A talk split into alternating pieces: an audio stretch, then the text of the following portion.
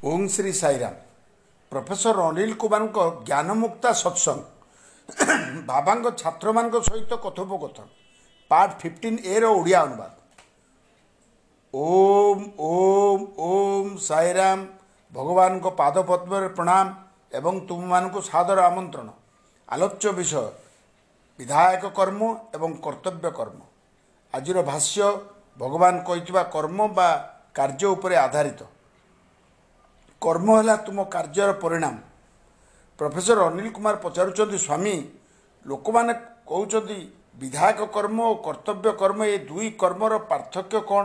ବିଧାୟକ କର୍ମ ହେଲା ନିର୍ଦ୍ଦିଷ୍ଟ ବାଧ୍ୟତାମୂଳକ କର୍ମ ଯାହା ବଂଶାନୁକ୍ରମେ ଆମ ପାଖରେ ଆସିଛି। କର୍ତ୍ତବ୍ୟ କର୍ମ ହେଲା ଯାହା ଆମଠୁ ଆଶା କରାଯାଉଛି। ସ୍ୱାମୀ କହିଲେ ବିଧାୟକ କର୍ମ ବା ଦାୟିତ୍ୱ ଯାହା ଆମକୁ ପିଢ଼ି ପରେ ପିଢ଼ି ଆମକୁ ଦିଆଯାଇଥାଏ। ଆମର ନିଷ୍ପତ୍ତି ଉନ୍ମୁକ୍ତ ଥାଏ। ତୁମେ ଏହାକୁ ସ୍ଥଗିତ ରଖିପାରିବ। ଯେପରି ପୂଜା ପୂଜା ପଦ୍ଧତି ତୁମେ କରି କର ଏହା ପରମ୍ପରା ଅନୁସାରେ ଆମ ପାଖକୁ ଆସିଥାଏ। ଏଗୁଡ଼ିକ ଆମ ପରମ୍ପରାରେ ଅନ୍ତର୍ନିହିତ। ପ୍ରତ୍ୟେକ ଦେଶ ତାର ଏକ ସଂସ୍କୃତି ଅଛି। ଏହି କର୍ତ୍ତବ୍ୟ ଯାହାକି ସଂସ୍କୃତି ଉପରେ ଆଧାରିତ। ବିଧାୟକ କର୍ମ ଅନ୍ୟ ପକ୍ଷରେ କର୍ତ୍ତବ୍ୟ କର୍ମ ବିଧାୟକ କର୍ମ ଅନ୍ୟ ପକ୍ଷରେ କର୍ତ୍ତବ୍ୟ କର୍ମ ହେଉଛି ସେହି ଦାୟିତ୍ୱ ତାହା ନିଶ୍ଚିତ ଭାବରେ କରିବା ଦରକାର। ଏହି ବିନ୍ଦୁ ଉପରେ ଆଲୋକପାତ କରିବା ପାଇଁ ଭଗବାନ ଏକ ସୁନ୍ଦର ଉଦାହରଣ ଦେଲେ। ଧର ତୁମେ ଗୋଟେ ସାମାଜିକ ମିଳନ ତୁମ ଘରେ ଆୟୋଜନ କଲ ଏବଂ ତୁମେ ସମସ୍ତଙ୍କୁ ଆମନ୍ତ୍ରଣ କଲ।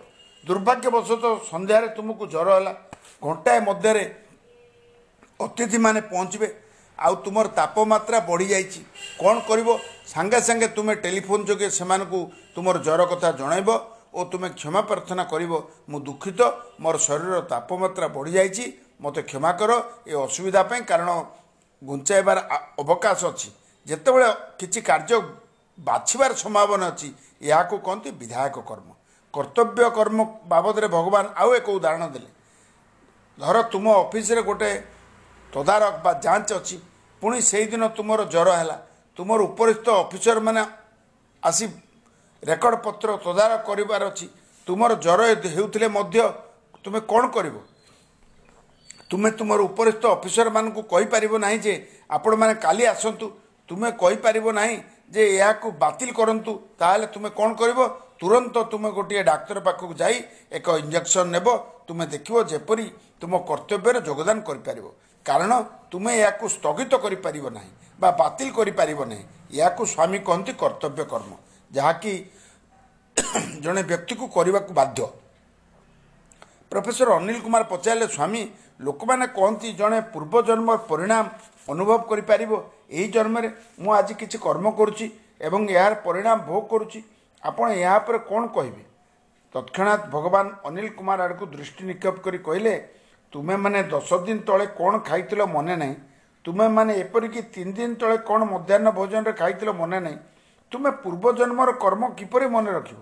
ତୁମେ ଏ ବିଷୟରେ ଚିନ୍ତିତ କାହିଁକି? ଏହାକୁ ଭୁଲିଯାଅ। ବର୍ତ୍ତମାନର ଯତ୍ନ ନିଅ। ଏହା ଯଥେଷ୍ଟ। ପ୍ରଫେସର ଅନିଲ କୁମାର କହିଲେ ସ୍ୱାମୀ ଭଗବାନ କହିଲେ କ'ଣ? ଆହୁରି ସନ୍ଦେହ ଅଛି। ହଁ ସ୍ୱାମୀ ଆପଣ ମୋତେ ଦୟାକରି ବୁଝାଇ ଦିଅନ୍ତୁ ବୃତ୍ତି ଧର୍ମ ବା ବୃତ୍ତିଗତ କର୍ତ୍ତବ୍ୟ। ଭଗବାନ କହିଲେ ବୃତ୍ତିଗତ କର୍ତ୍ତବ୍ୟ କେବେ ବି ସ୍ଥିର ନୁହେଁ। ତୁମେ ଯେତେବେଳେ ତୁମର ବୃତ୍ତି ବଦଳାଇଥାଅ ତୁମର କର୍ତ୍ତବ୍ୟ ମଧ୍ୟ ବଦଳି ଯାଇଥାଏ। ଜଣେ ଅଧ୍ୟାପକ ଭାବେ ମୋର କର୍ତ୍ତବ୍ୟ ହେଲା ପଢ଼ାଇବା। କାଲି ହୁଏତ ମୁଁ ଏକ ବ୍ୟବସାୟ ଆରମ୍ଭ କରିପାରେ। ମୁଁ ସେଠି ପଢ଼େଇ ପାରିଲି ନାହିଁ କାରଣ ମୋତେ ବ୍ୟବସାୟ ଚଳାଇବାର ଅଛି। ଏଣୁ ବୃତ୍ତିଗତ କର୍ତ୍ତବ୍ୟ ବଦଳିଯିବ। ତୁମର ବୃତ୍ତି ବଦଳାଇବା ସଙ୍ଗେ ସଙ୍ଗେ କାର୍ଯ୍ୟ ବା ଦାୟିତ୍ୱ ବଦଳିଯାଏ ଯାହା ଭଗବାନ ବୁଝାଇଥିଲେ। ଅନିଲ କୁମାର କହିଲେ ସ୍ୱାମୀ ମୋର ଗୋଟେ ଛୋଟିଆ ସନ୍ଦେହ ଅଛି। ସ୍ୱାମୀ କହିଲେ କ'ଣ? ଭଗବାନ ମୋତେ ଭୁଲ ବୁଝନ୍ତୁ ନାହିଁ। ମୋର ପ୍ରଶ୍ନଟି ଏହିପରି। ଯଦି ମୁଁ ଦଶଟି କର୍ମ କରେ ଓ ପାଞ୍ଚଟି ଖରାପ କର୍ମ ଥାଏ ତାହେଲେ ମୁଁ କ'ଣ ପାଞ୍ଚଟି କର୍ମ ପାଇଁ ଦଣ୍ଡିତ ହେବି? କାରଣ ଦଶ କର୍ମରୁ ପାଞ୍ଚ ବିୟୋଗ କଲେ ପାଞ୍ଚ ହୁଏ। ସମସ୍ତେ ହସିଲେ। ସ୍ୱାମୀ ଟିକିଏ ହସି କହିଲେ ଏହା ବାଲାନ୍ସ ସିଟ୍ ନୁହେଁ। ଏହିପରି ଆକାଉଣ୍ଟିଂ ହୁଏ ନାହିଁ। ତୁମେ ତୁମ ଭଲ କର୍ମ ପାଇଁ ଭଲ ପାଇବ ଏବଂ ଖରାପ କର୍ମ ପାଇଁ ଖରାପ ପାଇବ। କ୍ରେଡ଼ିଟ୍ ଓ ଡେବିଟ୍ ଭଳି କିଛି ନାହିଁ। ଏହା କିଛି ବ୍ୟତିକ୍ରମ ମଧ୍ୟ ନାହିଁ। ସମସ୍ତେ ହସିଲେ ଭଗବାନ ଆପଣ କିଛି ଉଦାହରଣ ଦେବେ କି? ଭଗବାନ ବୁଝାଇଲେ ଧର ତୁମ ପାଖରେ ଦଶଟି ମଞ୍ଜି ଅଛି। ଏକ ଫଳନ୍ତି ବୃକ୍ଷର। ଆଉ ଦଶଟି ମଞ୍ଜି ଅଛି କଣ୍ଟା ବୁଦା ଗଛର। ସମୁଦାୟ କୋଡ଼ିଏଟି ମଞ୍ଜି। ତୁମେ ଯଦି ମଞ୍ଜି ତକ ବୁଣି ଦିଅ ଦଶଟି ଫଳନ୍ତି ବୃକ୍ଷ ହେବ ଦଶଟି କଣ୍ଟା ବୁଦା ଗଛ ହେବ। କୋଡ଼ିଏ କ୍ରେଡ଼ିଟ୍ ଡେବିଟ୍ର ପ୍ରଶ୍ନ ନାହିଁ। ସଂଘର୍ଷର କୌଣସି ଅବକାଶ ନାହିଁ। ଯେପରି ବିହନ ସେପରି ବୃକ୍ଷ। ତୁମେ ବୁଝିବା ଦରକାର ଯେ ଜୀବନଟା ଏକାଉଣ୍ଟ ବା ହିସାବ ପରି ନୁହେଁ। ପରବର୍ତ୍ତୀ ଆଲୋଚ୍ୟ ବିଷୟ କୌଣସି ବିନା ଆପତ୍ତି ପ୍ରମାଣପତ୍ର ପରି କିଛି ନାହିଁ। ପ୍ରଫେସର ଅନିଲ କୁମାର କହୁଛନ୍ତି ସ୍ୱାମୀ ଏହା ଶୁଣିବାକୁ ଅତ୍ୟନ୍ତ କଷ୍ଟଦାୟକ ଯେ ମୋତେ ଭୋଗିବାକୁ ପଡ଼ିବ ମାତ୍ର ମୁଁ କ'ଣ କରିପାରିବି? ସବୁବେଳେ ଭଲ ପାଇବା ଭଲ ହେବା ସମ୍ଭବ ନୁହେଁ। ମୁଁ ଜଣେ ମାନବ କ'ଣ କରିବି? ମୋର ଏକ କ୍ଷୁଦ୍ର ସନ୍ଦେହ ଅଛି। ସ୍ୱାମୀ କହିଲେ କ'ଣ ଅଛି?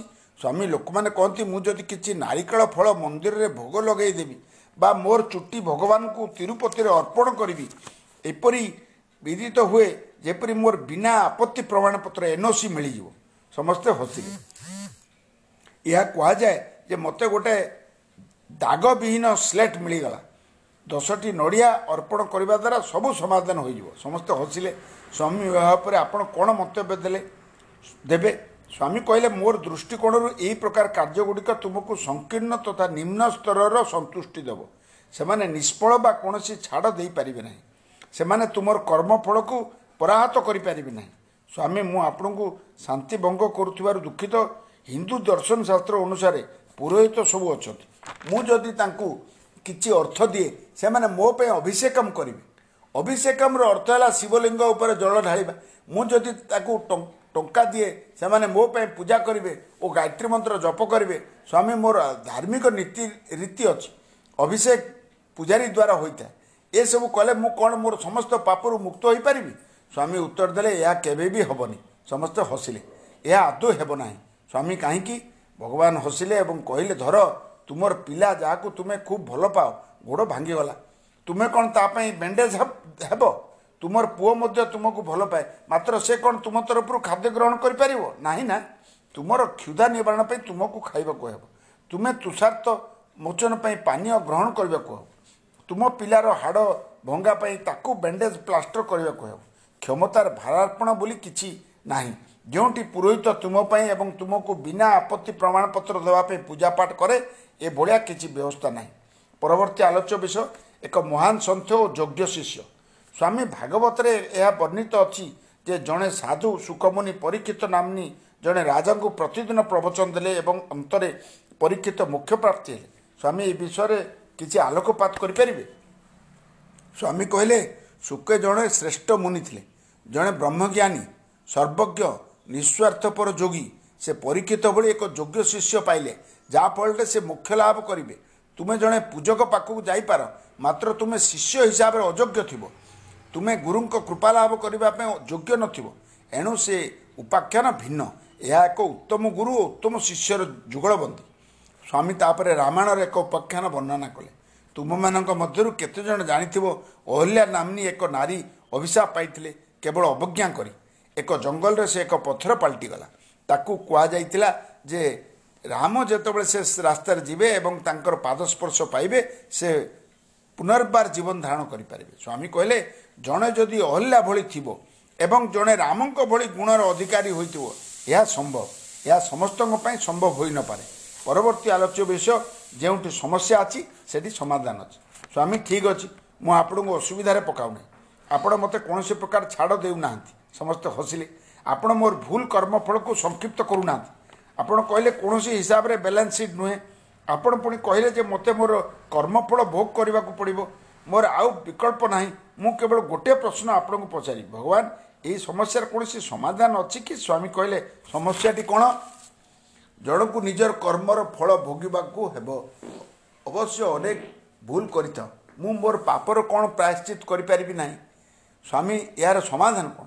ଭଗବାନ ଉତ୍ତର ଦେଲେ ଯେଉଁଠି ସମସ୍ୟା ଅଛି ସେଠି ସମାଧାନର ବାଟ ଅଛି। ମଧୁମେହ ରୋଗ ଏକ ସମସ୍ୟା।